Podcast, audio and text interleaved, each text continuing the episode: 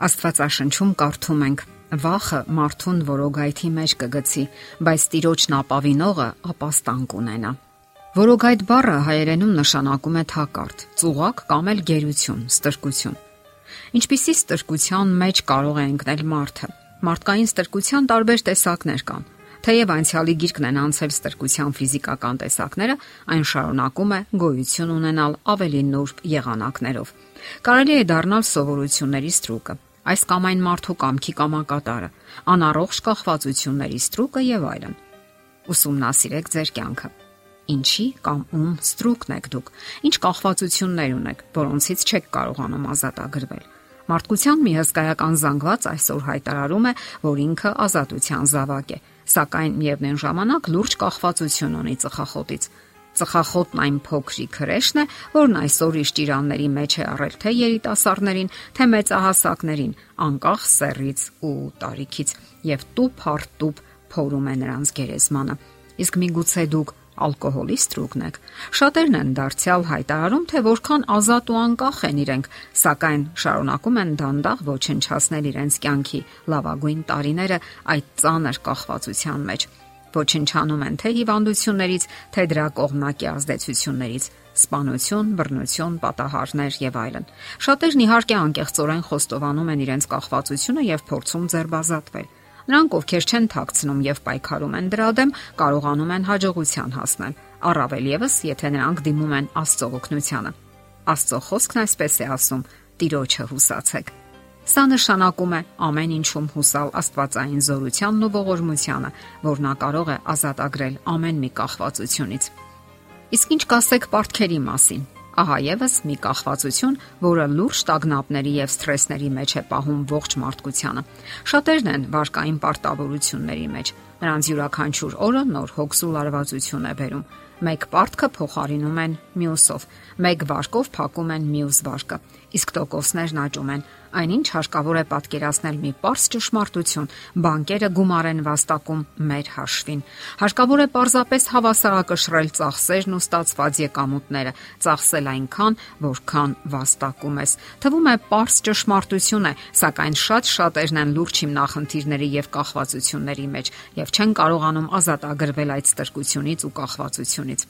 Իսկ ինչ կարելի ասել վախերի մասին։ Այն պահից, ինչ մեղքը մտավ երկիր մոլորակ, վախը տիրեց մարդուն եւ պարզապես ստրկացրեց նրան։ Նա ահ ու սարսափի մեջ է պահում ողջ մարդկությանը։ Մեր երկիր մոլորակը համակված է վախի հիստերիայով։ Վախենում են բոլորը, վախենում են ամեն ինչից, նույնիսկ այնպիսի բաներից, որոնցից թվում է կարիք չկա վախենալու համաշխարային պատերազմից, մթությունից, գողերից, կողոպտիչներից, ահաբեկչությունից, Քրիստոսն ասաց, որ մարդկանց սրտերը կնվաղեն այն բոլոր բաներին սпасելուց, որ պետք է տեղի ունենան։ Իսկ այսպիսի բաներ այսօր ամեն պահի են տեղի ունենում, եւ մարդիկ վախի ստրկության մեջ են։ Նրանք անընդհատ մտածում են այն մասին, որ աշխատանք ունենան, ունենալուց հետո էլ չզրկվեն դրանից։ Վախենում են իրենց եւ իրենց երեխաների կյանքի համար։ Վախենում են առողջությունը կորցնելուց եւ հիվանդություններից եւ դրանք իրական վախեր են, որովհետև մահը իրական թշնամի է։ Իսկ կիբերկախվածությունը ստրկության միանգամայն ժամանակակից տեսակ է։ Կիբերկախվածություն նշանակում է կախվածություն ամեն տեսակի բարձր տեխնոլոգիական միջոցներից։ Այս հիվանդությամբ կամ ստրկությամբ տարապում են համարյա բոլոր տարիքներում։ Նույնիսկ երեխաները, ովքեր դեռևս չեն կարողանում վերահասկել իրենց վարքագիծը եւ շատ արագ հայտնվում են ստրկության ճիրաններում։ Այս դեպքում մարդն ընդունակ չէ կտրվելու դրանցից եւ առանց դրանց իրեն կարծես անհարմար է զգում։ Ստացվում է, որ համացանցը մեզ վրա կարող է ազդել որպես ծանր թմրանյութ։ Հոկեբույժ Միշել Օդֆեյն այնքան էլ վատատես չէ եւ ասում է, որ դա բոլորի մոտ չէ, որ այդպես է։ Ըստ նրա դա վերաբերում է հատկապես նրանց, որոնց կյանքը ամբողջովին ենթարկվում է համակարգչի համացանցի ռիթմին, իր ամեն տեսակի կախվածություններին եւ այնուամենայնիվ Մեր շրջապատում քիչ չեն նրանք, ովքեր օրական 5-ից 15 ժամ անց են կասնում համակարգչի առաջ, թե աշխատանքի բերումով, թե պարզապես հետաքրքրության բերումով, որն ի վերջո վերածվում է լուրջ կախվածության։ Այսօր այդ սրտխառնոց երևույթն այնքան էլ չի առաջացնում շրջապատի զարմանքը կամ դատապարտությունը, այնքան ժամանակ, մինչև այն չի վերածվել հիվանդագին դրսևորումների՝ դեպրեսիա, ագրեսիվություն եւ այլն։ Աստծո հավերժական խոսքում կարդում ենք. Հիրավի նա է իմ վեմը, իմ փրկությունը, իմ ապավենը։ Ես չպիտի սասանվեմ։ Հանձնեք Աստծուն ձեր բոլոր վախերն ու կախվածությունները, ձեր ստրկության կապանքները։ Իսկ գիտեք ինչ է նշանակում ապավինել բառը։